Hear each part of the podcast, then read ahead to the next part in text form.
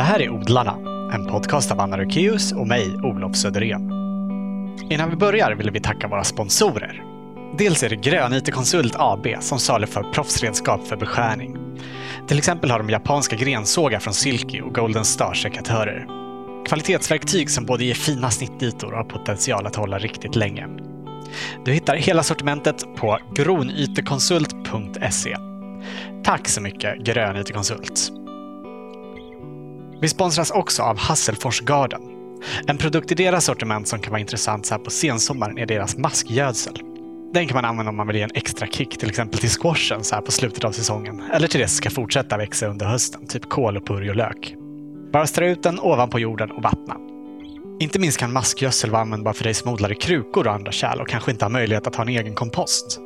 Man kan nämligen göra ett kompostte av den som man kan använda som flytande näring till växter i kruka, både ute och inomhus. Den innehåller alltså inga levande maskar utan bara det som jorden som hjälpare lämnar efter sig. Förutom näring en massa mikroorganismer som kan göra nytta i jorden och därmed också för dina växter. Tack till Hasselfors Garden. Sist men inte minst så har vi en ny sponsor med oss som vi är väldigt glada och stolta över att få presentera, nämligen Trine. Något som är lite svårt om man försöker leva så hållbart som möjligt är ju det här med sparande och investeringar. De stora bankernas så kallade hållbara fonder har generellt en ganska vid tolkning av vad som egentligen är hållbart. Men genom Trine kan man investera i lån till företag som bygger solenergianläggningar på platser i världen där befolkningen saknar tillgång till stabil och miljömässigt försvarbar elektricitet. Det är faktiskt än idag en bra bit över en miljard människor som inte har tillgång till el.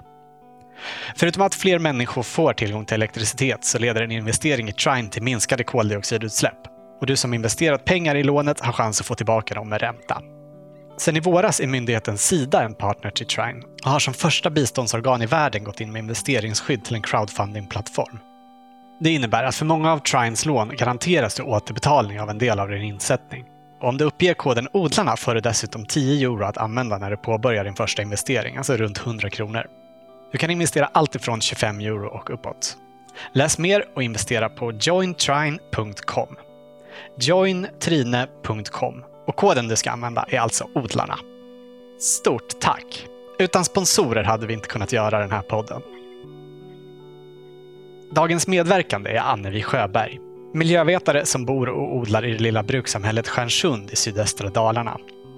Hon är också en av initiativtagarna till Permakultur Stjärnsund som är ett nätverk av olika verksamheter och projekt i lokalsamhället. Bland annat ordnar de kurser om fleråriga grönsaker och skogsträdgårdsodling. Dessutom är hon en av författarna bakom böckerna Fleråriga grönsaker och skogsträdgården. Intervjun spelar vi in i Stjärnsund den 8 juni. Varsågoda, Annevi Sjöberg.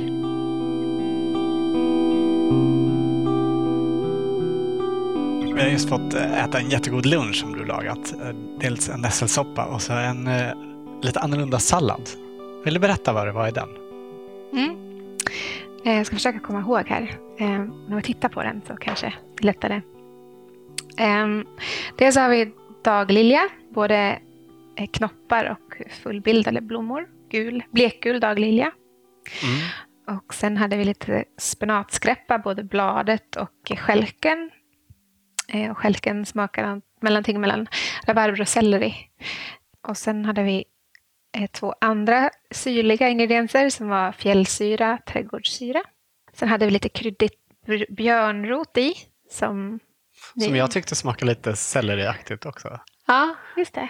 Och du... Vad ja, Anna tyckte det var mer, vad sa du? Fänkål. Ja. Ja. Som jag inte brukar ha i sallader så ofta, men den, den slank med den här Mm. gången. Den var Sen- väldigt god. Ja, vad roligt. Och den är så söt också. Den ser liksom så bullig ut i landen. Ja. så fin växt. Sen hade vi också lite svartrot, eh, svartrotsblad som är jättekrispig och god när nu börjar börjat kom, gå över sin liksom, höghetstid. Men eh, väldigt eh, lik sallad. Och nu, det är alltså början av juni. Mm. Så hade vi eh, blodmolla och eh, jo, lite miskmalv också. Vill du beskriva den? Ja, eh, miskmalven, den, nu för, det har varit så torrt så har den faktiskt blivit ganska så lite hårig så här redan nu. Den är godast när den är ung. Och, um, som späda blad och ha med i salladen. Men jag försökte strimla den ganska så tunt. Och då, det brukar vara tricket för att, för att göra sallader av saker som är lite, ändå lite över sin hög, liksom, bästa tid. Mm. Annars är den ju jättefin att ha i, i tillagade rätter, myskmalva. Ja. Och jag tror den sista saken som fanns med i salladen var eh, blomman till ryssgubben som eh, liknar raps lite grann och den, är, eh, den doftar som honung och smakar också väldigt sött. Och den kan man se, se ganska stora bestånd av vilt på ja, slänter och Precis. ovårdade partier. Den sprider sig ganska Ja. friskt. Det är Väldigt ett god. litet ogräs om man, om man inte håller efter den egentligen. Men, Mm. mm. Men den är väldigt välbesökt av insekter också. Ehm, så den, den har flera, flera munnar att mätta, förutom människan. Mm. Det är fint. Det är inte precis en vanlig sallad. Nej, det är inte det. det är en hel del smaker som man måste vänja sig vid lite grann, tror jag. Jag tyckte den var fantastiskt god fast jag inte är så van vid den här typen av växter. Nej, vad kul. Man, man kan, och just när man blandar in blommor också så äter man med ögonen. Man får en positiv liksom, första känsla för den. Också lite sötma liksom, till de andra smakerna som är lite beska och lite syrliga. Ja, Det är exakt. väldigt eh, bra kombination. Ja. Och den följer också det här som man brukar prata om. Alltså, kockar vill att man ska blanda de här sött och bittert och ja, lite olika. Att det finns ju, man kan få det av flera grönsaker, alla de här sakerna. Mm. Och blir, de blir liksom små, små smakexplosioner när man äter salladen också. Och ibland så kan man behöva lite dressing på. Om man är, särskilt om man bjuder gäster som är lite ovana. Då blir det ju gott och mycket nyttigare än en, en sallad med, med bara ettåriga grönsaker. Är det generellt högre näringsinnehåll i, i eh, fleråriga växter? Eh, när vi har skrivit vår bok så har vi, eh, framförallt min kollega Filip, gjort en djupdykning i att kolla näringsvärdena på vilda växter och, och det som vi då kallar för fleråriga grönsaker. Mm. Och det var ganska svårt att hitta näringsvärden på ganska mycket. Han jobbade jättemycket med det för att hitta pålitliga källor. Och det vi har hittat har vi också publicerat, men det finns eh, inte på allt. Nej. Eh, Men särskilt då brännässla och lungrot, eller gode henriksmolla som den också heter, är verkligen i topp. Ja. Och jämför man den och även trädgårdssyra, man jämför den med de eh, ettåriga grönsaker som brukar anses som mest näringsrika som grönkål och morot och broccoli och så, så är de eh, i, jäm, liksom, jämna med dem eller mycket högre Ja. i näringsvärden. Och det finns goda anledningar att tro att många av de andra flera grönsakerna också har väldigt höga näringsvärden för de är också närmare det vilda. Och då är det oftast så. Ja. de har inte förädlat så mycket. Nej. Eh, Men vi hoppas faktiskt på att eh, eh, Philips sambo Rebecca har fått lite pengar för att kolla näringsvärden i några flera grönsaker. Vi hoppas på att få lite mer så att vi kan göra ordentlig koll på i Ja. alla fall ett par av Vad dem. spännande. Mm, det blir det. Vill du berätta lite om den här platsen? Ja. Ehm, Ja, men Stjärnsund är en by på 200 personer på vintertid och på sommaren så är det dryga 2000. Så det finns ganska mycket sommarhus här. Ja. Mm. Och eh, det är mest känt troligtvis för eh, det var här som Polhem, alltså mekanikens fader brukar man säga, som var Sveriges Henry Ford lite grann. Ja. Han hade sin stora verksamhet här. Han var ju uppfinnare och kommit på massor med smarta saker som olika lås och Slussen var med och byggde till exempel i Stockholm för alltså, två slussar sedan. så det är det som har sett prägen på den här platsen väldigt mycket. Man ser att det är ett bruk med mycket brukshus och så. Och sen på 80-talet eh, så kom det, det har hänt mycket däremellan också, men på 80-talet så kom det då ett, eh, en grupp människor som eh, nyanliga personer som, som eh, köpte det som kallas för Fridhems kursgård och vandrarhem nu. Och de arrenderade också mark från kommunen som vi nu får använda. De, många, många bor kvar från 80-talet och vi samarbetar mycket med dem. Men de är lite äldre och orkar inte hålla trädgården igång längre. Så vi, vi kompletterar varandra ganska bra, tror jag. I det. Och de, de har ju börjat utveckla, tidigare hette den eh, Feng Shui-trädgården och nu kallas den för Mångfaldsträdgården. Okej. Så de började liksom måla en liten, ja, en liten tavla med träd och buskar som vi har fått fylla, fylla i med mycket ätbara saker. Så vi har planterat över hundra trädbuskar med eh, bär och frukt och nötter och så mm. i den trädgården. Och flera grönsaker. Och nu har ni ett permakulturcenter här. Ja, kan man säga. ja jag, jag flyttade hit för sex år sedan ungefär. Och då, vi var tre, eller fyra stycken som satt i en bil på väg hem från permakulturfestivalen i Ängsbacka och eh, tänkte att ska vi inte söka pengar för att starta ett permakulturcenter? Och det tyckte alla var en jätterolig idé, så då gjorde vi det. Och då hade vi då delvis finansiering för att köpa in växter och börja förstå vad, vad, hur kan man ha en kursverksamhet, eh, hur gör man marknadsföring, hur, vi hade liksom, ja, med hjälp och stöd i det i två år, kan man säga, ekonomiskt. Och det var ju 2013. Eh, och så gjorde vi det i två år. Vi hade en, en konferens om hållbar utveckling som hette Synvända. Vi hade eh, den första agroforestry-konferensen här också, som kallas för Träff då. Aha. Och vad hade mer? Ja, lite kurser och så. Och små kurs, kortkurser. Vi bjöd in folk som kunde saker. Två år. Och sen eh, efter det så stod vi på ena vägen. Så nu är, vi, nu är Permakultur en förening av massor med småföretagare och familjer som tycker om varandra och tycker om det här ämnet. Hur eh, kom det sig att ni hamnade just här? Eh, dels var det för att eh, David Roxendal, som var en av de här fyra personerna som satt i bilen, han, han och hans familj fanns här i närheten i Garpenberg. Han har också bott här i Stjärnsund förut.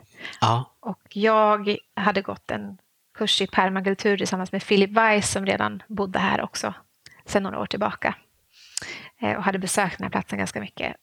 Och det var just det här att eh, de som kom på 80-talet kände att de hade inte kapacitet längre att, att hålla trädgården vid liv och ville också att det skulle komma mer, mer yngre folk hit. Mm. Så jag tror en stor anledning till att vi fick de här pengarna också, landsbygdsutvecklingspengar, var för att vi Eh, vi hade också som mål att fler personer skulle flytta till Stjärnsund som hade barn. För skolan hade precis stängt. Medelåldern var kanske runt 60 någonting. Så nu och nu är det många familjer som har flyttat hit. Så det har sänkts igen. Och många barn på ja. förskolan. Så. Och hur många är ni i den här föreningen nu? Ja, men ungefär 40 personer. Det är inte alla som bor i Stjärnsund, Stjärnsund. Men eh, med omnejd så är vi 40 personer. Och olika aktiviteter. Alltså, eh, vissa är jätteaktiva och vissa är är, är eh, stödmedlemmar. Mm. Men det är en rätt stor grupp ändå med tanke på att det är 200 som bor i, mm. i byn. Ja, det är det. Det är kul. Ja. Jag tror de, de huvudsakliga sakerna vi gör är att vi har arbets, eh, arbetsdagar som man åker hem till varandra och jobbar. Och sen har vi också tillsammans med Fridhem så har vi en inköpsförening för ekologisk mat som man kan beställa direkt från Biofood och sådär. Ah. Så det, det lockar många. Ja. Ja, det är ju inte alltid så lätt på landet. Nej. Det, vi har ju en liten kioskaffär som ja. vi försöker stödja. Och de har också köpt in lite ekologiskt för att vi är så många som vill ja, det ha det här. efterfrågan här. Liksom. ja. ja. Men vi vill ju på sikt att den här inköpsföreningen ska ha lösvikt så att vi inte behöver köpa så mycket förpackningar. Och så. Men när vi hinner, ha, det finns ja. energi för det, så blir det så. Hur kom du in på det här med permakultur? Ja, min man är från Australien och eh, bod, vi bodde i Sydney ett tag. Och där är ju permakultur överallt. Aha. Tyckte jag i alla fall. Det är den stadsdelen där vi bodde. Okej. Okay. Permakultur startar ju i, I Australien. I Australien. Ja. De här stadsodlingar Alltså, ja, I det området där vi bodde så var det överallt. Så här, gemenskapsodlingar och massor med affischer för så här permablitzes där man hjälper till hemma hos någon. Och, mm. Så då gick jag en introduktionskurs där och tyckte det var jättespännande. Så det var nog, det var nog startet, starten på det. Och, och när var det? Det var nog 2009. Hade du odlat innan det? Eh, nej, inte så mycket. Nej, det hade jag inte faktiskt. Nej. Fanns det någon liksom, omkring dig när du växte upp som höll, höll på med odling? Min mamma tyckte väldigt mycket om blommor. Vi hade trädgård. Vi ja, hade var var det någonstans? På Ekerö i ja. Stockholm. Och um, det var min mormor och morfars gamla plats. Så det fanns ju mycket fruktträd och bärbuskar där också. Men eh, ingen odling egentligen. Nej. Hur, men hur såg resan ut där sen då, från Sydney till den här, ja, där att ni bestämde er för att starta Permakultur Stjärnsund? Ja, efter Sydney så flyttade vi till ett land i Stilla havet som heter Kiribati som är ett örike som är, sträcker sig över en yta som är lika stor som USA. Men som det är bara små prickar i, i havet, egentligen små atoller. Så det är väldigt lite landyta men Ja. över, utspritt över stor yta. Precis. Ja, liten landyta på, i väldigt mycket hav. Hur många människor är det som bor i hela det här landet? Åh gud, hur många är det nu då? Hundratusen kanske? Ja, något sånt. Och det som var spännande där, jag tror att först den här permakulturkursen och sen komma till den här platsen där människor, högsta punkten är två meter över havet och människor kommer inte bo, kunna bo kvar där mer än kanske några årtionden till med, med hjälp av, av saltat vatten och så. För att redan nu så är grundvattnet väldigt salt. Ja. Och det är det första som händer för atoller och flyter liksom på, på saltvatten och så är det bräckt vatten och så sötvattnet liksom halvflyter egentligen ovanpå där. Så när havet stiger så pressas sötvattnet upp och det blir problem med, med salt. Så, eh, och det var så skört, man, man, man kände verkligen där just hur, jag tror jag, jag förstod hur lyckligt lottad jag var för att bo i Sverige och hur skört ett system eller ett samhälle kan vara. Och också att det, det, jorden var, liksom, den var vit från korallerna. Så man fick jobba jättehårt med kompost och så för att få upp eh, en, en jord som var bördig. Ja. Eh, och det kom en, en båt varannan var tredje månad med lite färska grönsaker, choklad. Eh, ja, men de här sakerna som vi kan få, få i våra affärer när som helst. De fanns där i två veckor och sen fick man vänta två månader till nästa leverans. Så man lärde sig uppskatta saker väldigt mycket. Och att odla sina egna tomater, det var där jag började försöka bygga kompost och kämpa mot krabborna istället för sniglarna för att, för att få ha kvar min, mina tomatplantor. Och, ja, de skadade eh, plantorna? Ja, de tyckte det var jättekul att mm. äta upp de tomaterna framförallt och aubergine. Ja. Andra utmaningar. Men hade du liksom en trädgård att odla i där? Ja, vi bodde... En trädgård var det kanske inte så mycket. Det regnade. Det var, det var ett uppehåll med regn på fem månader, tror jag. Fem, sex månader. Så det var, det var lite svårt. Men eh, det fanns gräsytor så vi gjorde sådana upphöjda i en gammal bokhylla som vi gjorde om till odlingsbädd. Så det var inte alls stora, stora odlingar alls. Men det var det där lilla extra att få de här tomatplantorna och tomater som man har odlat. Så när man inte kunde få äta det varje vecka så var det bara så speciellt och smaka så gott för att man fick det så sällan. Ja. Hur, hur är klimatet där? Det är tropiskt ja. klimat. Mm. Men är det, är det en stor del av befolkningen som odlar? Det blir lite mer och mer, men eftersom vattenfrågan är så akut och vattnet är bräckt, det är inte alla växter som klarar det.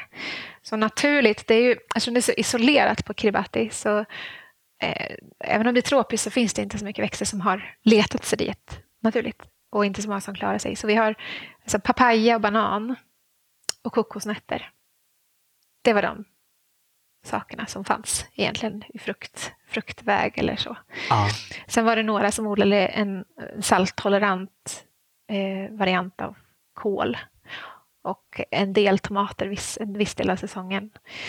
Det fanns lite gurka också när man väl hade hittat, det tog några månader innan vi fattade vart man kunde köpa saker och så. Men, men det, var, det var i stort sett det.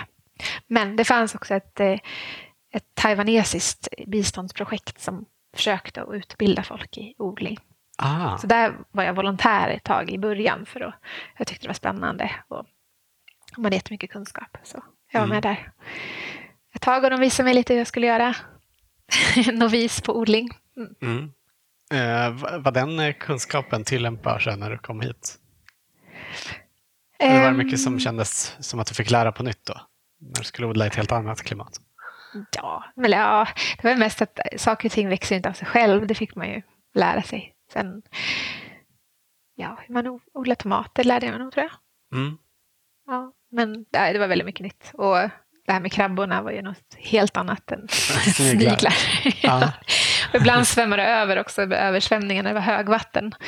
Och då fick man gå omkring och försöka rädda fiskar för att de fastnade liksom i, låg och liksom sprattlade på land. Så man vi hade lite operation rädda småfiskarna ibland. Ja. Ja, annorlunda att hitta fis- fiskar i, sina odlingar. ja, precis. Hur kom det sig att du flyttade dit? Eh, Min man fick eh, jobb där från början Ja, Eh. med, med vad? med bistånd. Han jobbade med klimatförändringar, klimatförändringsanpassning. Då, Ja.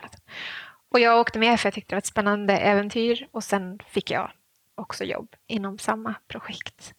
Så jag jobbade med utbildning kring klimatförändringar, vad som händer eh, och vad som kan och kommer hända där Mm. i skolor. Och sen jobbar jag också med, eh, med vattensystem för, för den här platsen där man hämtar vatten från mitten av öarna för där är den här vattenreservoarerna tjockare. Ah, För just som det är nu så bor alla längs kusterna och så pumpar man vatten eller tar vatten från det som egentligen är tunnast. Eh, och då blir det snabbare saltare där. Så. Tanken är att man ska hämta ut det. Så vi gjorde ett spel, vi lekt, spelade med barnen och sådär kring de här frågorna. vad spännande. Mm.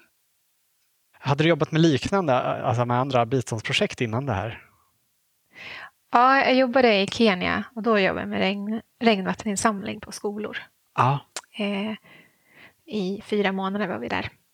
Eh, men det var fokus på, på vatten. Så jag är miljövetare, miljöingenjör i rent utbildningsmässigt så, och jobbat med, har va- varit väldigt fascinerad över design och designprocesser och hur man kan få med det i hållbar utveckling på olika sätt. ja. Så jag ville bli designer från början men sen tyckte jag att liksom, intresset för miljö var mycket starkare.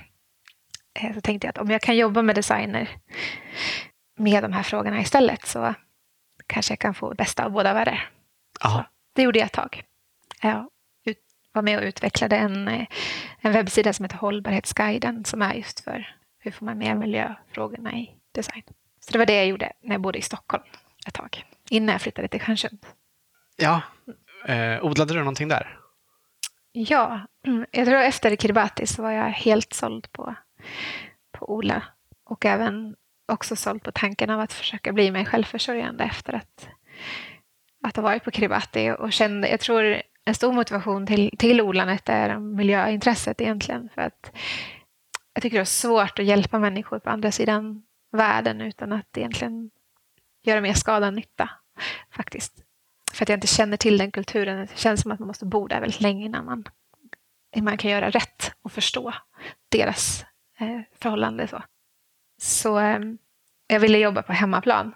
Hade, det var en stor insikt jag, jag fick när jag var där. Även om det var ett fantastiskt år. Så jag lärde mig jättemycket om mig själv och om, om allt möjligt. Men det var i Sverige som jag ville försöka förändra ett sätt att leva på. Så när jag kom hem så hoppade jag in i min lägenhet i Fredhäll och eh, satte upp lappar i trappuppgångarna om det var någon som ville odla tillsammans med mig. Och det var det. Så vi var en, en liten grupp personer som kontaktade kommunen och frågade om vi inte kunde få, få odla på en eh, liten plätt utanför våra hyresrätter. Så då blev Mälarpiraternas trädgård till. Och Mälarpiraterna hette den för att det heter kvarteret Mälarpiraterna. Så då var vi, de allra flesta av oss var glada entusiaster och så var det väl Barbro som hon kunde lite, så vi, hon gav mycket stöd. Ja. Du sa att du blev sugen på självförsörjning. Hur mycket, mycket skörd fick ni där? Det var en ganska liten yta som vi hade, men eh, det var tillräckligt för att få sallad och så under, under säsongen i alla fall. Det var inte någonting vi egentligen kunde, kunde spara över vintern. Vi testade, vi experimenterade mycket, men det var absolut ett tillskott. Ja. Det var det. Och vi hade jättekul, jättefint gäng. Eh, och vi, det var aldrig någon bråk om någonting och vi delade på skörden lika och lärde oss ofantligt mycket. Gjorde Roligt. jättemycket fel och jättemycket rätt också. Så, ja, ja. det var kul. Var det tråkigt att lämna den odlingen när du, kom, när du flyttade hit? Ja, det var tråkigt att lämna den gruppen människor, men jag tror jag var ganska klar med Stockholm. Jag längtar ut på landet och har mer plats att odla på. Vet du om odlingarna finns kvar nu? Ja, men det är det. Jag träffade Barbro som också fortfarande är aktiv, eh, bara förra veckan faktiskt. Hon, hon sa att de är en liten grupp, men de fortfarande håller på. Mm. Facebookgruppen finns fortfarande kvar också. Hur, länge, hur länge bodde du i Stockholm in, från att du kom tillbaka till Sverige till, innan du flyttade hit? Det var nog inte så länge, två år tror jag. jag så när jag flyttade hit så bodde jag i Stjärnsund varannan vecka och i Stockholm varannan vecka. Och så andra året så, så bodde jag eh, en vecka i Stockholm och sen tre veckor i Stjärnsund. Så det var lite stegvis övergång? Så. Ja, det var lite läskigt att flytta från stan direkt till, till landet. Till ett litet bruk med 200 personer. Så, eh, jag förstår det. men eh, det var... Det, nu kommer jag aldrig flytta tillbaka. Men jag, jag tror det var bra för mig att ta den, det steget lite långsamt. Mm. Och sen tyckte jag också det fortfarande var väldigt kul att jobba med. Då jobbade jag med den här hållbarhetsguiden då, med design. Men sen så tror jag att intresset mer och mer gick åt odling och det vi gjorde här i Stjärnsund så mm. släppte jag det. Men det var liksom det här permakulturprojektet då som gjorde att det blev just här det hamnade? Ja, det var det. Var det. Och jag tror att jag längtade också väldigt mycket till att jobba med att jobba med, tillsammans med andra. För när jag jobbade med Hållbarhetsguiden så var jag ganska själv som miljöintresserad. Jättefina människor på den platsen, alltså på kontoret där jag satt. Men det är så kul att bolla idéer. Så med Filip, som, som jag jobbade mest med då och fortfarande nu, vi, vi hade väldigt kul i, i den, den kreativa processen. Aha. Och sen också David Roxendal som också är med i gruppen och hans dåvarande sambo, eh, vi är väldigt olika, så vi kompletterar väl varandra väldigt väl. Han är väldigt praktisk och genomför saker och vi är kanske lite mera mm, teoretiska och läser på och så gör vi saker och han, han bara kör på. Och det, vi har hittat ett sätt att jobba tillsammans som funkar liksom bra. Mm. vi nyttjar de olikheterna. Din man då, som har kommit från Australien och landat i en liten by i Dalarna. Ja. Var, är han intresserad av de här grejerna också? Ja, lite. jo, han tycker om... Han, var faktiskt, han, bo, han tog ett nytt jobb på Samoa i tre år. Så vi hade ett distansförhållande väldigt länge. Var, ja, det var helt galet egentligen. Men eh, vi, vi genomlevde det till slut. Och eh, så nu bor han här sedan tre år tillbaka. nu. Ja. Och eh, han, han, han tycker om att äta det som vi odlar. Och han hjälper mig med det, liksom, det som behövs. Men han tycker mest om att surfa, så det är hans, det är hans grej. Ja, men det kan han väl inte göra här? Eh, jo, eh, han kan åka till Gävle Aha. när det är storm. Så ja. om det är storm så åker han härifrån. ja. Mm. kanske får bygga någon sån här surfvåg i någon fors som man kan stå på. Precis. Vi har varit inne på det lite, men vill du berätta lite mer om era odlingar här i Stjärnsund? Det finns ju lite olika delar. Ja. Eh, dels har vi då det som heter Mångfaldsträdgården som, som där vi vill väldigt långsamt med ideella krafter försöker att skapa en skogsträdgård.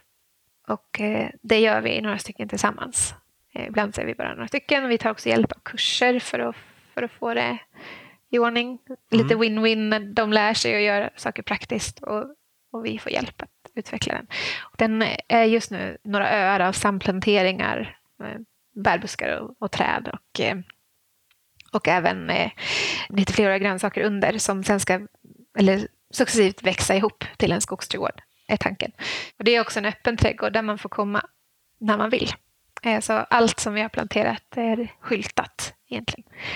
Så vi kallar det, det är en demonstrationsträdgård där vi både experimenterar och eh, vill skapa liksom en mysig, trevlig plats för de som bor här och besökare. Vi har gjort ett avsnitt tidigare med Dante Hellström eh, om, där vi pratar mycket om skogsträdgård. Mm. Och om man vill, verkligen vill grotta ner sig så kan man ju också se till att skaffa er nya bok. Ja, eh, som är en riktig skogsträdgårdsbibel kan man säga. Ja, den, den blev lite tjock. Ja, både tjock och, och, ganska stor. Precis. Men det är två tredjedelar växtporträtt porträtt i den och resten handlar om ja, men hur man ska tänka när man odlar och också lite vetenskaplig bakgrund kring, ja, kring jord och biologisk mångfald och eh, vatten och, mm. och så vidare. Succession som är ett viktigt, ett viktigt koncept i skogsträdgårdsodling. Ja, över 450 sidor om skogsträdgård. Ja, och över 800 källor har vi lyckats få med också. Ja, ett praktverk kan man säga. Ja, det var en förhoppning med den boken är att många fler ska våga börja anlägga en skogsträdgårdar eftersom det, det kommer det tar ju så lång tid att anlägga dem, så ju snabbare vi börjar i Sverige, desto mer kan vi utvärdera tillsammans. Så vi vill inte vänta 20 år tills vi har uppväxta skogsträdgårdar eh, och prata om, utan kolla läget idag och sen hoppas på att fler börjar. Ja. Så. Det var mångfaldsträdgården, men eh, odlingarna består ju av fler delar. Mm. Sen har vi också kolonilotter där eh, det också, också experimenteras hejvilt med allt från nybörjare till de som är lite mer, har lite mer erfarenhet. Och där har jag också mina fleråriga grönsaker. Mm. Kan jag tillägga då, ni bor ju alltså i gamla arbetarbostäder kanske från sekelskiftet, typ. alltså förra sekelskiftet, med eh, lägenheter i. Så ni har inga egna villatomter som många på landet har. Precis. Och det är därför ni har de här lotterna. Ja, exakt. Det är fem hus, gamla arbetarbostäder som ligger på rad egentligen med, med boende som är mer eller mindre aktiva i trädgården. Mm. Eh, och många av dem odlar i kolonilotterna. Ja. Och de här husen är, jag vet inte exakt hur gamla de är faktiskt, jag är dålig på årtal, men ja, runt hundra år gamla skulle jag säga. Mm. Vill du berätta mer vad du odlar på din lott? Ja, jo, förutom flera grönsaker så har jag också ettåriga grönsaksland och lite tomater och gurka i växthus. De ettåriga grönsakerna och de fleråriga grönsakerna kompletterar varandra så bra. För fleråriga grönsaker kommer igång så tidigt på året. Ibland är, man kan skörda kantlök och vissa andra saker egentligen precis efter snösmältningen. Inte några jättestora mängder i början, men ändå en del. Mm, ändå lite färsk, färsk smak. Liksom. Ja, precis. Ja. Efter en lång vinter utan det. Eh, så, och då, då kan det ju vara, variera lite när snön smälter. Och I år var det väldigt sent, men från slutet av februari ibland, eller i alla fall ja, fram till mitten av mars någon gång, så kan man börja skörda. Och så är det bara explosion av massa olika smaker och mjälla jättegoda blad som har i sallader och matlagning fram till juni någon gång när de börjar ja, bli lite bli träiga i smaken egentligen och texturen. Mm. Och då, då kommer blommorna istället. Så då kan man ha vanlig sallad med några fleråriga blad som ändå är bra över sommaren och dekorera med bladen, eller blommorna, så blir det väldigt vackra sallader. Mm. Och sen är det en hel del fleråriga grönsaker som kommer igång på hösten igen sen, eh, när ettåringarna, de liksom mm, fräscha bladen har gjort sitt. Eh, så det förlänger ju skördesäsongen jättemycket. Det blir nästan dubbla skördesäsongen, eh, om inte mer, eh, med flera grönsaker. Du visade oss runt här ute innan. Det är ganska många växter som inte är så vanliga att se i odling. Just de här perenna grönsakerna. Har du några favoriter som du vill berätta om? Mm. Det brukar variera från år till år. Eh, eh när vi liksom, kan upptäcka nya ätliga delar hos olika saker. Mm. så de gamla favoriterna liksom, ja, utdateras och så blir det nya favoriter. Ja, det var ju himla spännande just med uh, svartrotsblasten. Ja, och den har nog hängt kvar här i två år faktiskt på topplistan av mina flera grönsaker. Den, just för att den är så, den är så lik sallad. Jag tycker den är jätte, jättebra.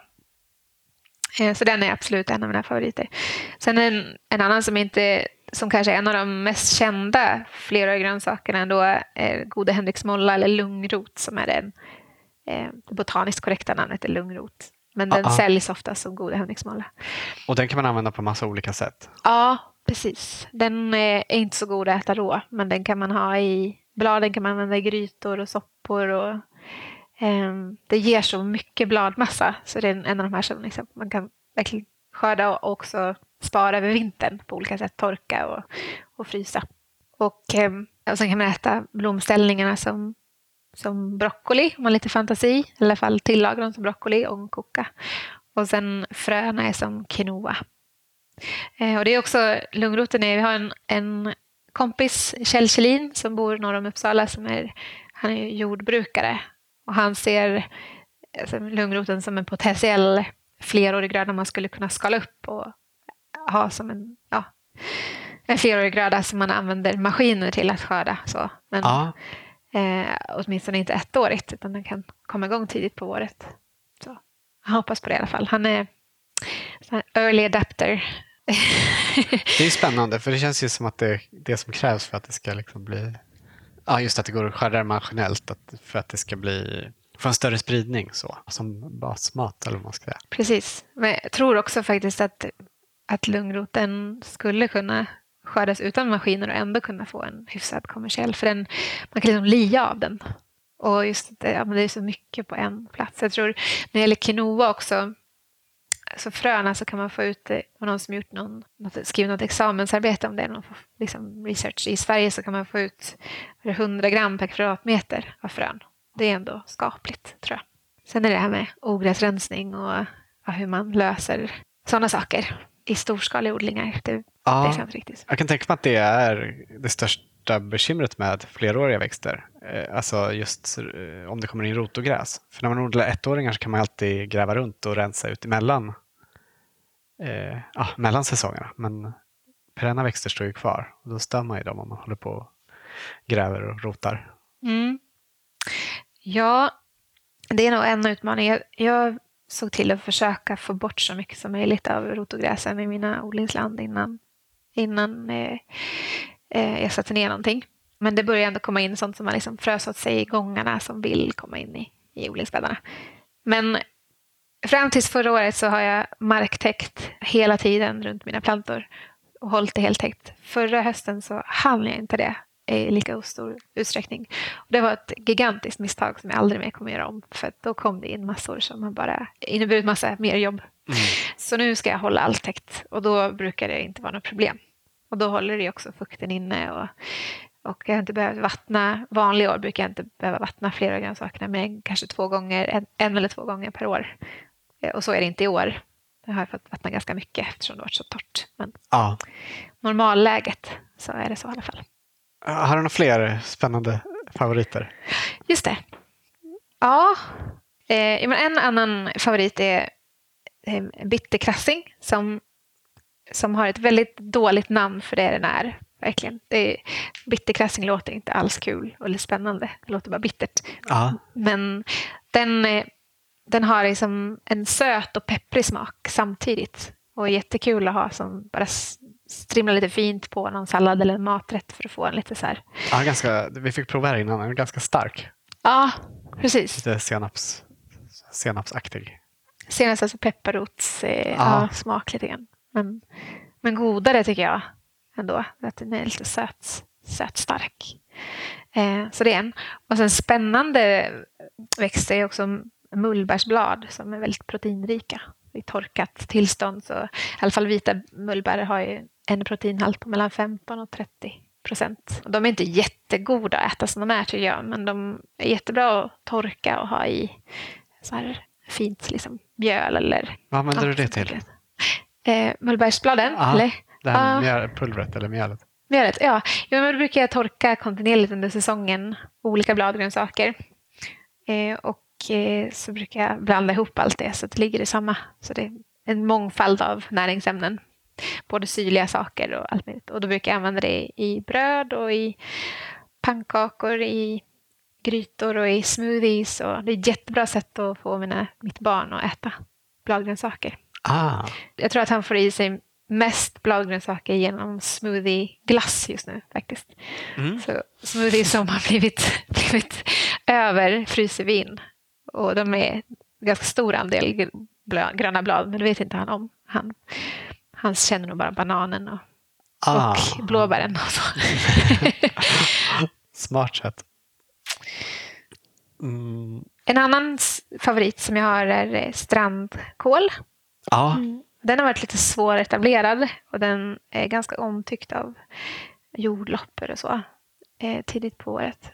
Men eh, det är lite olika år hur pass mycket den drabbas. Men den, eh, den är jättegod, lite så köttig konsistens. Den är ju frilyst i vilttillstånd, så man ska, eller i alla fall på, på, väst, eller på östkusten. Nej, västkusten så är den frilyst. Eh, så det varierar lite, så man ska inte äta, äta av den överallt. Man måste kolla upp först. Men eh, den blir en väldigt stor planta och, och ger ganska mycket. Och, mm, man måste vara försiktig i början och inte skörda kanske första andra året till och med. Att låta den få ett ordentligt rotsystem så att den är stark. Och jordlopporna kan vara ett problem men annars är den rätt fantastisk motståndskraft mot kolfjäril till exempel. Eh, när jag haft eh, eh, under lång tid har jag ändå haft så här, grönkål också. Eh, odlat det samtidigt och då, då går den på grönkålen. Eh, men strandkålen har varit ganska motståndskraftig mot, mot fjärilslarverna. Mm, det är bra. Ja, så finns det annat runt omkring så äter de tydligen det hellre. Ja. Vad gör du helst av strandkålen? Um, den är så lyxig. Jag har det är bara en och en halv planta som har överlevt. jag har en stor och en lite mindre som hoppas ska klara sig. Så den, den brukar få vara i sallader oftast. Ja. Men eh, den kan gå i allt möjligt. Det, det gäller de flesta flera grönsaker. Att vissa är goda sallader, men de allra flesta är just att byta ut spenaten och göra ja, men soppor och grytor och ja, men torka och ha i allt möjligt. Så. Ja. Mm. Vi, vi, behöver ju äta mera bladgrönsaker i, i vår kultur eller i Sverige. Vi, de allra, allra flesta av oss äter alldeles för lite. Det kan vara svårt att få i sig mycket bladgrönt tycker jag med en sallad. Man liksom tar stopp efter ett tag. Men när man blandar i det allt möjligt så, så kan man ändå öka halten tror jag. Ja. Det finns ju väldigt många spännande recept i boken, fleråriga grönsaker. Mm. Mm, det finns några stycken, eller en del recept i alla fall. Sen eh, har vi nog experimenterat ganska mycket mer sen vi skrev boken. Ja. Så nästa version så kommer det vara mycket flera av våra favoriter. Så, ah, men... Kommer det komma en uppdaterad upplaga? Ja, någon gång. Någon mm. gång. Kul. Eller om det blir kompletterande med nya växter kanske. Vi får se. Ja. En växt som jag tycker verkar spännande som du har här ute det är korogi. Mm. Ja, precis. De, eh, det är en liten eh, knöl som ser ut som en Michelin-gubbar egentligen och vita. Och de eh, brukar skörda på tidig höst eller sen sommar. Mm. Eh, hos oss blir de ganska små. Jag tror det har att göra med att vi, det är ganska lerrik jord, så ganska kompakt ändå. Eh, men de är goda och krispiga. Bara borsta dem lite grann och ha dem som liksom, krispiga inslag i en sallad. Det är jättefint. Aha. Eh, men de kan bli mycket större om det är lite mer luckor i jord, sandig jord och så. Så hade jag haft en sandig jord så skulle jag nog satsat ännu mer på den. Tror jag. jag tror det fanns ett recept i boken på gratinerad korogi som lät väldigt gott. Ja, den, det är faktiskt Philips recept. Jag har inte testat den. Okej. Okay. ja. ja, men sen så finns det också flera lökar. Mm. Väldigt många flera lökar som är jättegoda. Eh, och då har vi luftlöken till exempel som bildar liksom topplökar. Och den kallas för walking onion på engelska. Så den, när den blir lite tung där uppe i topplökarna så viker den sig och så går den en halv meter till en meter per, per år. Ah, och då börjar de där luftlökarna växa där, där de hamnar? Precis. Ja, det är så himla roligt sätt att för, sprida sig på tycker jag. Ja, och då, då gäller det att det finns barmark under där så att de kan rota sig. Mm. Men eh, annars brukar jag ta topplökarna och sätta ut dem så att man får fler plantor från topplökarna. Mm. Lite tätare bestånd. Och de är väldigt vackra. Det blir som, som lökblommor eh, på toppen. Så de är både fina för ögat och goda. Ja. Eh, och de har, det är bladrören som man äter framför allt. Och har man väldigt liksom, luckig jord och mycket vattentillgång på luftlöken så har vi, inte jag men min... Nu kommer han. Ja, kom in! Hej! Hej! Har du inget att göra nu? Vill du ha någonting att göra? Ja, precis. Någonting. Även om du känner för det. Du kan låna min hatt också så att du inte blir helt stekt av solen. Den ligger där. Om du vill vattna lite på de andra bäddarna, eh, alltså i mångfaldsträdgården i andra delen. Stort tack Daniel. Ja. Ja, vi ses sen. Hej Hej! Ja, brukar ni ha volontärer som är här och jobbar? Ja, eh, ibland. Det är första året faktiskt som jag är med. Ja. Så jag har dem nu på torsdagar i fyra timmar. Ah, ja, ni Eh. har ju liksom gemensamma volontärer för Ja, det har blivit så i år. i föreningen. Eh, ja, ja eh, det är faktiskt stiftelsen Stjärnsund, eller de som har Fridhem kursgård och vandrarhem som, som har huvudansvaret för volontärerna i år. Ah, Och sen gör de, har de olika handledare olika dagar. jag förstår. Mm, ja. Ja, luftlöken pratar vi om. Ja, luftlöken. det är framförallt bladrören som man äter på dem. Men man kan också äta topplökarna. De är, I mina odlingar är de ganska små om Mm. det inte blir ett väldigt blött år. Men har man väldigt luckig jord och stor tillgång på vatten vid rätt tillfälle på våren så, så kan de bli upp till fem centimeter breda. Och då är de ju värda att äta som Ja, det är lökar. ganska stora lökar. Ja, då, då ska, behöver de lite, lite mer uppmärksamhet. Och Mm. så är det också generellt med, med flera grönsaker att ger man dem mer, vatten och man tar hand om dem och mer gödsel så kommer de också att ge, liksom, bli bättre. såklart. Som med många växter. Ja. Men de klarar sig ändå Ja. bra och ger bra skörd utan jättemycket om, ompyssling. Så. Mm. Hur, hur kom du in på det här med fleråriga grönsaker? Ja, det var eh, egentligen eh, både Filip men faktiskt kanske framförallt vår kompis Martin som är trädgårdsmästare och jobbat på Botaniska trädgården i Göteborg som fördes in på det spåret. Och vi, de, han hade börjat testa fler, massor med olika flera grönsaker eller perenna ätliga växter som, som det också kallas för.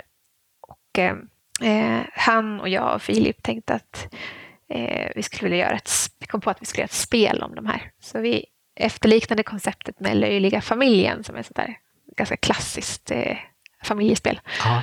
Och så gjorde vi bara det med, med olika familjer av flera grönsaker. Mm. Så, så började det. Och så när vi började distribuera det här spelet så var det många som, som hörde av sig och, och frågade hur odlar man de här egentligen? Så då föddes idén för att skriva en, en bok. Och under hela den här tiden då så började vi experimentera mer och mer och, med olika flera grönsaker och, och testa vilka som vi tyckte var godast och lättast att odla och mest värd, värda. Mm. Hur har ni lärt er dem då? Ehm, ja, läst, läst på så mycket. Kompisar, kontakter utomlands ifrån. Det finns ju en hel del skogsträdgårdsböcker i andra länder där det är väldigt mycket som inte är härligt hos oss. Vi är i zon 4, 5 här. Så vi har försökt plocka ut det som vi tror ska funka här uppe och testat. Och så har det funkat ibland och ibland har det inte funkat så bra. Och vissa saker är verkligen på gränsen. Som nu hade vi ju frost här i, igår. Och då, då är vi ändå i början på juni nu. Eh, eller en bra bit in i juni. Och eh, då var det en funkia och en salladsaralia som blev ned, delvis nedfrusen. Så ja, det är lite chansning.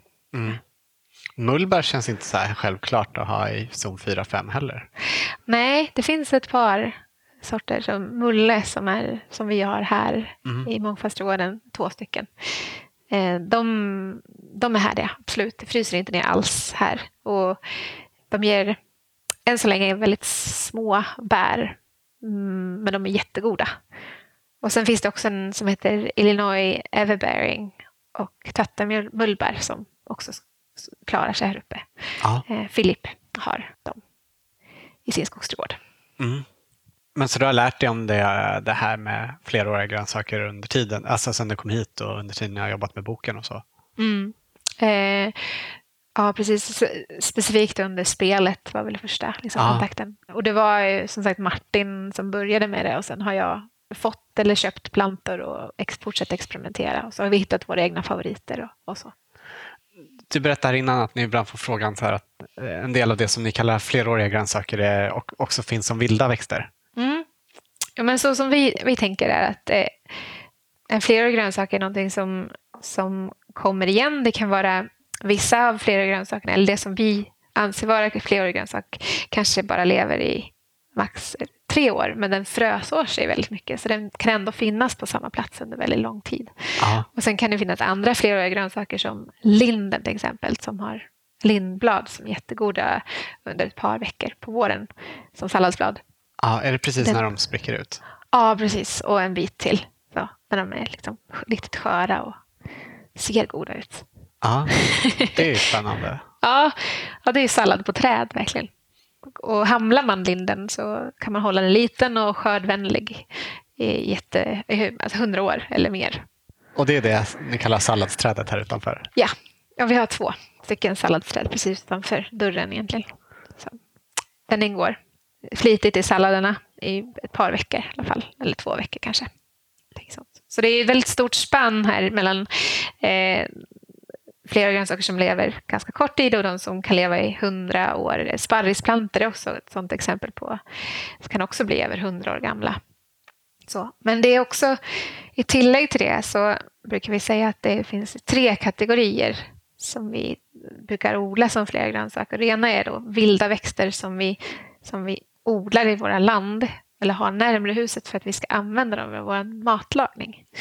Så de finns ju finnas, alltså det går ju att finna dem vilt och det är ju jättebra om man gör det. Men om man vet, vet med sig att det inte blir av så lätt, för att man måste gå ganska långt, så är det bra att ha dem närmare huset. Så det, det är en.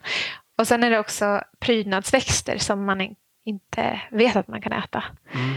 Eh, som funkia, till exempel dagfunkia. Det Ja. Daglilja nämnde du ju.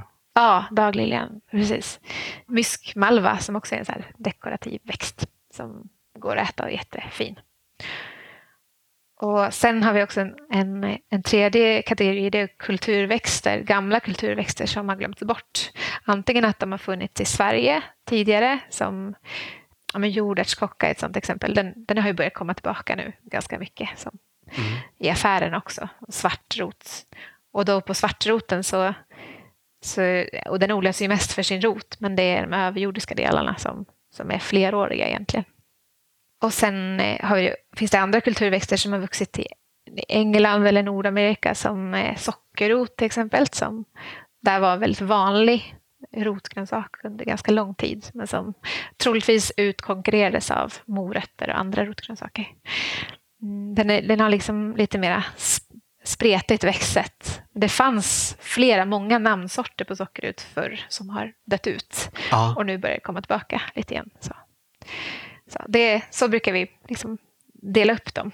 ja. Men det handlar om att ha dem nära köket så vi faktiskt använder dem. Eh, Det är viktigt.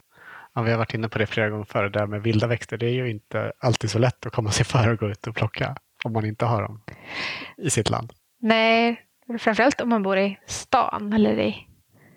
Det kan vara mer eller mindre grönområden i förorten också. Men jag upplever i alla fall att jag använder dem väldigt mycket mer när jag har dem runt knuten. Liksom. Mm. Är det något särskilt man ska tänka på när man odlar perenna grönsaker? Ehm, Det finns ju så många olika sätt att odla dem på. Dels, Ja, det odlar är också väldigt olika växter ju egentligen. Ja. Så det kanske är en dum fråga. Men... Nej, men jag tycker det är en jättebra fråga. För det, det är ju, men, att jobba igenom, du var inne på det tidigare, men att, att jobba igenom jorden, se till att det inte är någon rot och gräs kvar, för det blir bara jättekatastrofalt sen senare. Men att det, det finns ju också jättemånga växter som är, eh, passar på en full, i full skugga eh, på baksidan av ett hus där det inte är så mycket annat som växer. Eh, Som strutbräken är också en annan favorit. Ormbunke. Ormbunke, precis. Eller ja, inte vilken ormbunke som helst, men en, en ormbunke. Ja, och den är jag självförsörjande på faktiskt. Eh, Eller, den, och den skördar jag vilt. Ah. Så, och går och fryser in och har i, använder jättemycket risotto bland annat. Vad spännande. Ja, den är jättegod och så himla vacker. Ser ut som en sån här. Ja. Jag tror aldrig jag ätit en ormbunke. Nej, det ska du inte göra heller. Det är bara Nej, men- inte så många som... Nej, vissa, vissa är cancerogena. Okej, ja, då ska man verkligen veta att det är den man tar. mm, absolut. Finns det, någon, finns det andra som är lätta att förväxla den med? Eh, när man känner till kännetecknen för strutbräken så, så förväxlar man den inte. Nej. Men det är ju en ormbunke som är lik en hel del andra saker. Men det, det viktigaste kännetecknet är att det inte finns en sporer på baksidan av bladen. Utan det finns något som kallas för sporangiblad i mitten som är små bruna stänglar med, med, frö, med frön på. Okej, Och sen är också att den är strutformad. som så den har inte de här prickarna under? Liksom. Inga prickar, nej.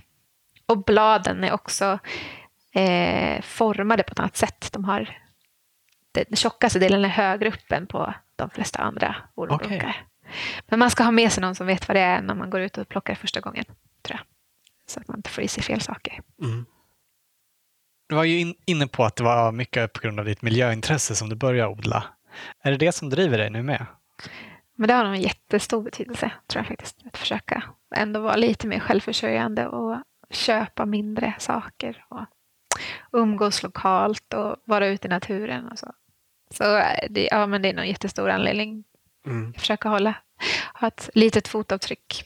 Men jag tror också det handlar om en hälsosam livsstil. Jag mådde inte bra av att sitta framför datorn i tio timmar. Jag utbildade till miljövetare och så, så var jag aldrig i naturen. Det var jättekonstigt. Mm. Jag bara skrev om det eller höll på på datorn mycket. Så, så att eh, ja, få en balans i, mellan datorjobb och eh, att vara ute och fysiskt jobba och äta hälsosamt.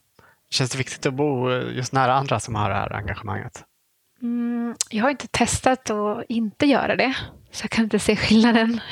Men det, det är klart att det, man lär sig så mycket av varandra. Eh, och det är väldigt bra att ha folk runt omkring om man vill åka bort en vecka eller två på sommaren. Ja. Som kan hjälpa till att hålla koll på de ettåriga odlingarna framförallt. Och vattna och så. Det är ovärderligt. Mm. Men ni som är, liksom, som är med i den här föreningen här i Stjärnsund, samarbetar ni kring andra saker än eh, det här med odlingarna? Ja. Det är ganska många som är aktiva inom ganska skilda områden och det är väldigt kul. faktiskt. Ja. Vi har en, en kompis som bor i Rörshyttan, inte så långt ifrån Stjärnsund, som hon jobbar med eh, Hela Sverige ska leva eh, vanligtvis. Och hon har varit jätteaktiv i att dra igång ett bygdebolag Mm. som eh, det, skolor, tror jag att jag nämnde tidigare att skolan har eh, Ja, du nämnde att den hade stängt ner precis när ni kom hit. Ja, precis. Så det var ju ja, det, sex år sedan nu som den la, la ner. Och den byggnaden är en jättefin gammal byggnad som, som sedan köptes upp av en, av en kvinna som har drivit den nu ett tag eh, och hon vill sälja den. Eh, så de, har för avsikt, de hade bara för några dagar sedan så samlades alla föreningar i Stjärnsund. Det finns ändå 10 10-12 stycken kanske, eller mer. Som håller Ehm. på med olika saker. Ja, precis som har olika. Det är en idrottsförening och det är någon eh, vävförening och det är eh, vad är det mer? Permakultur Stjärnsund och Stiftelsen Stjärnsund och Polhemstiftelsen och- massa olika. Så att vi tillsammans ska betala in lite pengar och sen kan vi låna upp till 70 procent av summan för att kanske köpa skolan tillsammans. Så det är ju jättekul om vi, det blir ett sätt också att föra samman alla föreningar för Stjärnsund har en historia av att vara ganska uppdelad i två läger. Ja, Det är inte så, så mycket längre, men det finns fortfarande lite så här vilka lägren? ja, men dels är det de här som kom på 80-talet då, som har lite annat sätt att leva och som det var lite nytt och konstigt för många som har bott här i flera generationer tror jag. Mm. Och eh, då brukar jag säga på andra sidan kiosken, eh, andra sidan Stjärnsund, så bor det människor som också är jätteaktiva inom helt andra saker som att hålla Polhemsmuseet öppet och sköt, har skött om eh, gamla herrgården och är jätteaktiv i en, en trädförening som, som är jättefint initiativ. När någon dör i, på bruket så, så kan man donera pengar så planteras det träd i deras Mm. namn. Fint. Ja, det är jättefint. Och det, det, det, det är alla med på. Liksom. Mm. Så att det, ja, men jag tror att, att, köpa, att skapa ett bygdebolag skulle vara något som verkligen syr ihop eh, de här föreningarna. Eh, för vi, alltså vi, det är några som är med i Permakultur här som tycker om, är ganska glada i att bygga och bygger saker som inte ser ut som det gjorde på 1800 1700-talet som är annars är karaktäristiskt för den här platsen. Så det finns en del som irriterar sig på, på de här byggnaderna. Eh, andra som tycker det är jättekul att det händer saker. Men ja, jag tror vi har mycket mer gemensamt än vad vi har. Men, men ni har liksom närmat er varandra lite? Ja, jag tror det, det, den stora konflikten var nog på 80-90-talet. Sen har det lagt sig nu. De pratar med Man varandra. har vant sig vid varandra. Ja, precis. Men det här med tiny house-byggande som sker ganska mycket i kanske det, det är inte jättepopulärt. Det nålar i ögat på vissa här. Små stugor på hjul kan man säga. Ja, precis. Och de, och de, de har en annan karaktär. Jag tycker de är jättefina. Ja, är Liksom- gulliga. Ja, rå, som råa plankor som är lite som skurna. Egentligen inte, man ser liksom konturen på trädet. Så. Men de är inte samma stil som, som de rödmålade arbetarbostäderna. Nej. Ja. Vi har hört talas om att det finns en eh, lokal valuta här också. Mm, det gör det. Eller ja, det fanns i alla fall. Ja, Jag har inte varit så jätteinvolverad i just det projektet men tanken var att det skulle leda till mera eh, utbyte av tjänster och eh, köpa varor och tjänster inom lokalsamhället här i Ah. Stjärnsund. Så att de, de pengar man får för en tjänst eller vara använder man vidare inom samhället. Liksom. Ja, precis. Det, det var nog just i Garpenberg som inte ligger så långt härifrån så var det aktivt en, ett, ett tag. Nu tror jag det har försvunnit lite. Men, men däremot så har samma tjej som höll på med det här med att starta bygdebolag för att köpa skolan. Hon har också gjort en lokal ekonomisk analys av Stjärnsund. Där också massor med folk kom från, från bruket för att eh, hjälpa till att vad har vi för resurser här? Vad har vi för kunskaper, kompetenser? Vad spenderar vi våra pengar på? Spenderar vi pengarna här i Stjärnsund eller utanför Stjärnsund?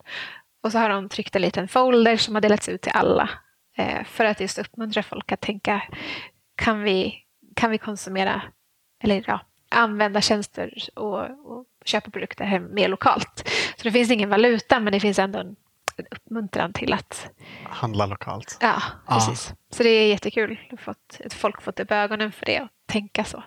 Det kanske på sätt och vis är enklare än en egen valuta. Ja, det kräver lite mindre administration eller ingen alls. Ja. För jag tror egen valuta behöver... Men Hur funkar det med typ skatt och sånt om man har en egen valuta? Jag kan inte det. jag vet inte. Faktiskt, jag har också fullt, fullt in i andra projektet när den var Mm, liksom aktiv. Jag fattar. Men det finns liksom en eh, kultur av att byta med varandra och sådär här ändå. Ja, det tycker jag. Mjölk till kaffe till exempel från en granne här. Ja, jo, men det brukar vi Och köpa. ägg till soppan. Ja, vi prenumererar på ägg från vår granne och ja, går på autogiro så får vi äggen eh, direkt levererade hit. Ah. Så det är ju, det är ju jättelyxigt. Mm. De smakar mycket godare än Ja. de man köper i affären.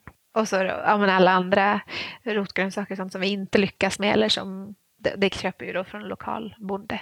Sen köper vi också havregryn från eh, ekologiskt från Kjell Kjellin som var vår kompis norr om Uppsala när vi ändå åker förbi om vi ska till Stockholm eller så. Och Ja. då köper vi med till alla som vill ha i, i byn här. Ah, ja. Och sen har det också eh, mjöl kan vi också köpa lokalt, stenmalt mjöl, inte så långt härifrån. Så det finns en hel del saker som inte är så långt bort. Mm. Mm. Vad bra. Mm. Eh, En annan grej som brukar vara knepigt på landet ofta det är att transportera sig om man inte har bil. Vi själv- själva lånade en bil för att ta oss hit idag. Men vi har hört att det finns ett eh, initiativ för samåkning här också. Ja, och det är ett jätte, superbra projekt verkligen. Det är bara en sms-grupp, en jätteenkel sms-grupp. Och jag hade inte bil här fram till för tre år sedan när jag fick barn. Innan dess så, så klarade jag mig på de bussarna som bara gick på vardagar. Eh, för det finns ingen buss på helgerna. Och den här samåkningsgruppen. Och jag skulle säga att ja, säkert 80 procent av de gångerna jag skickar ut på sms-gruppen att jag behöver skjuts eller, eller att jag ska åka någonstans om någon vill åka med så är det någon som behöver åka. Mm, så det är ett sätt att dela bensinkostnaden men också det är så fint i de här, på, i de här stunderna när man sitter i bilen så kan man prata med folk som man, inte, som man känner till men som man inte vanligtvis eh, pratar så länge med. Det är faktiskt en, en fördel med bilar tycker jag. man, man kan lära känna varandra ganska. Jag tycker inte om bilar alls. Jag hatar bilar. Det lät konstigt där. Men, vanligtvis lär man ju inte känna någon när man åker bil. Men det Nej. verkar ju trevligt om man kan göra så. ja, men det, det är det faktiskt. Mhm. Och, och det känns ju bra att dela, Ja. dela på det här. Du kommer ju som sagt från Stockholm och har nu bott här i sex år. Vad har det gjort med dig att flytta ut hit och ägna dig mer åt odlingen och, och bo på landet? Mm. Um, någonting som jag observerade när, det första året när jag åkte mellan Stockholm och, och Stjärnsund Ja. var att eh, mitt bankkonto gick väldigt mycket upp och ner. Eh, att jag, när jag var i Stockholm så umgås man på ett helt annat sätt. Eller jag gjorde det i alla fall. Mera, mera när man går ut och tar en fika eller man går ut och äter eller man, om man ska transportera sig och så.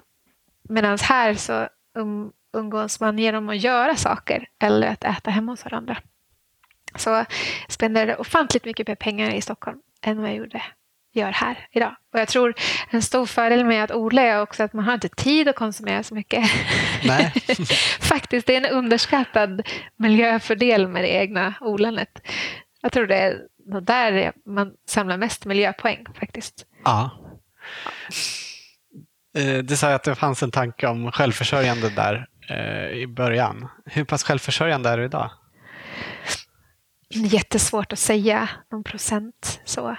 Men, eh, och det är lite olika från år till år också. Men jag, har, jag kommer att ha i år, om allt går sig väl, potatis, eh, bondbönor, bladgrönsaker, vitlök, lök, tomater och tomatsås. Ja, Det är väl det. Och, och, och pumpa och squash. det är rätt mycket ändå. Ja, ja. Morötter har jag faktiskt inte odlat så mycket för att det är, inget, det är ingen bra jord här för det. Nej. Eller, jag är, eller så är jag och morötterna inte kompisar. Men, Nej, jag har aldrig riktigt heller blivit kompis med dem. Nej. ja, så det köper vi faktiskt för att göra mycket mjölksyror, jättemycket. Eh, Du sa ju att en del av de växter du odlar är egentligen vildväxande växter. Men eh, tar du vara på mycket från naturen också? Ehm, jag har försökt domesticera det mesta av det som jag äter mycket av. Det finns inte tillräckligt med nässlor här omkring faktiskt. Det är så många som tycker om det. Så det, det får man vallfärda lite om man ska få Okej. stora Ja. underskott på nässlor. Det är inte så vanligt. um, mera. Jag brukar skörda rallarros en del, för det tycker jag är så gott att ha som te. Ehm, men annars så brukar jag nog inte... Ja, men blåbär såklart. Bär. Vild, vildhallon. Eh, det är också... Det försöker att fylla frysarna och torka. Så brukar vi också plocka aronia på tågstationen i Hed- Hedemora. ja. Så det, där får vi... Och, och torkad aronia tog precis slut hos oss nu. Det är jättegott tycker jag. För torkat har jag nog inte provat. Nej, Men jag tycker det är gott i saft och sånt där. Mm. Testa det. Mm. Det och torkade um, rönn, eller rönnbär. Ah, hur använder- Hur använder du det? Bara äter dem som torkad frukt. Spännande. Mm. Är det någonting mer som du skulle vilja att vi pratar om? Ehm, ja, men det skulle vara som fördelarna med flera grönsaker och kanske anledningen till att vi ja, egentligen började med det här eller tycker, fortsätter att göra det i alla fall. Det finns fler än det här att de kommer innan de vanliga grönsakerna. Ja, det är ju absolut en av de viktigaste delarna. Men vi pratar också om tror jag, att, de är nytt, alltså att de är så nyttiga. Men sen så är det också spännande smaker, tycker jag. Att de väcker liv våra smaklökar lite grann. Eh, jag minns den bitterkrassingen som har en speciell smak och, och tänka om konceptet sallad.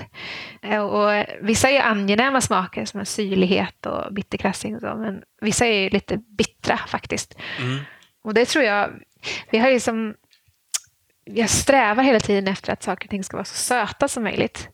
Eh, men om man tittar historiskt bak i tiden så, så åt vi inte så mycket sött. Sött var ju en lyx.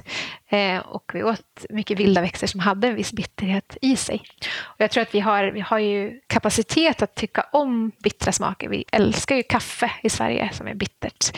Och vi, vi har också börjat äta mer rucola-sallad än den liksom, mjälla isbergssalladen till exempel som också har mer så, smak. Vi har också börjat gå över till mörk choklad istället för ljus choklad som är bittrare. Ja.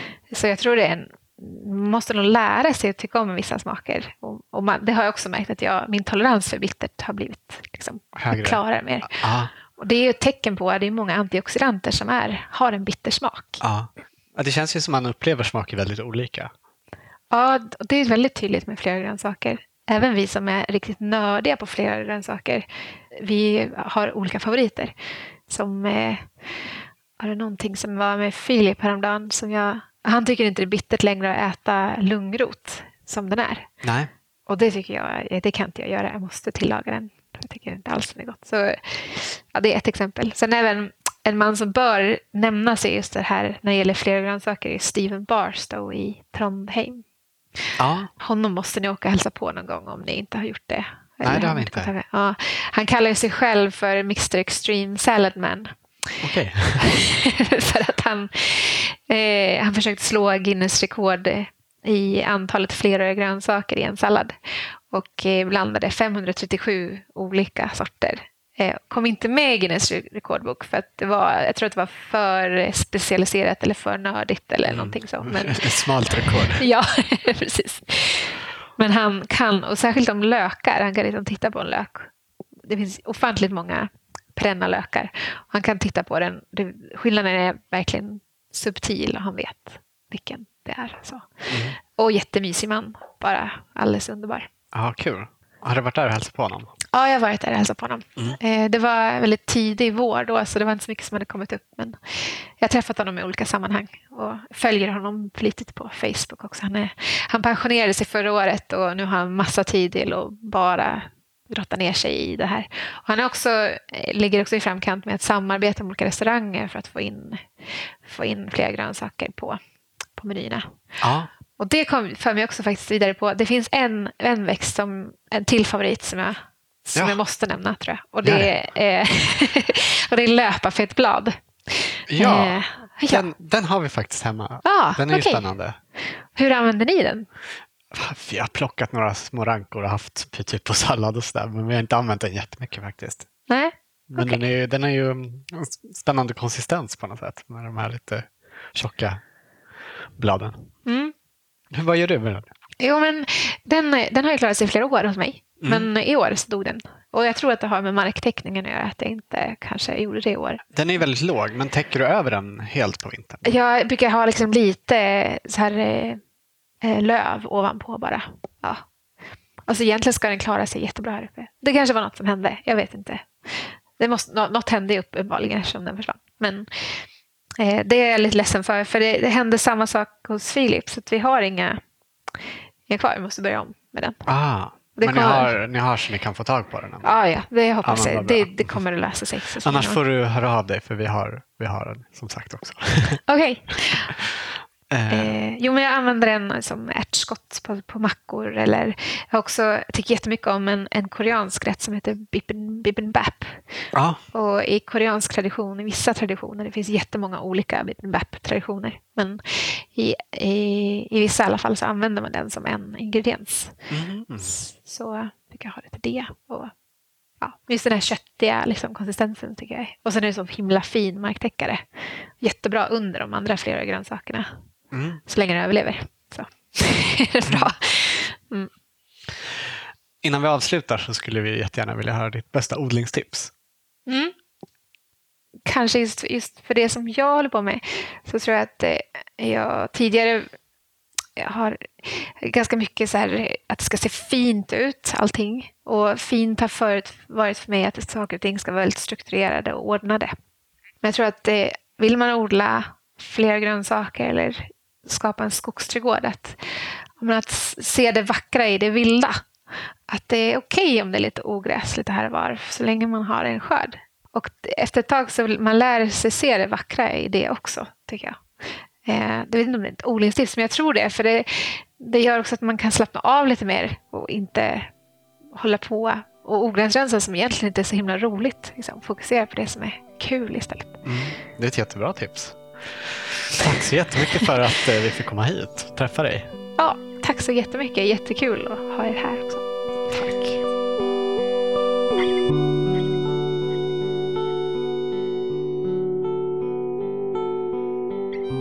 Du har hört Annevi Sjöberg i Odlarna. Information om de kurser som ordnas inom nätverket Permakultur Stjärnsund och om när man kan få en guidad tur i Mångfaldsträdgården finns på Permakultur Stjärnsunds Facebook-sida.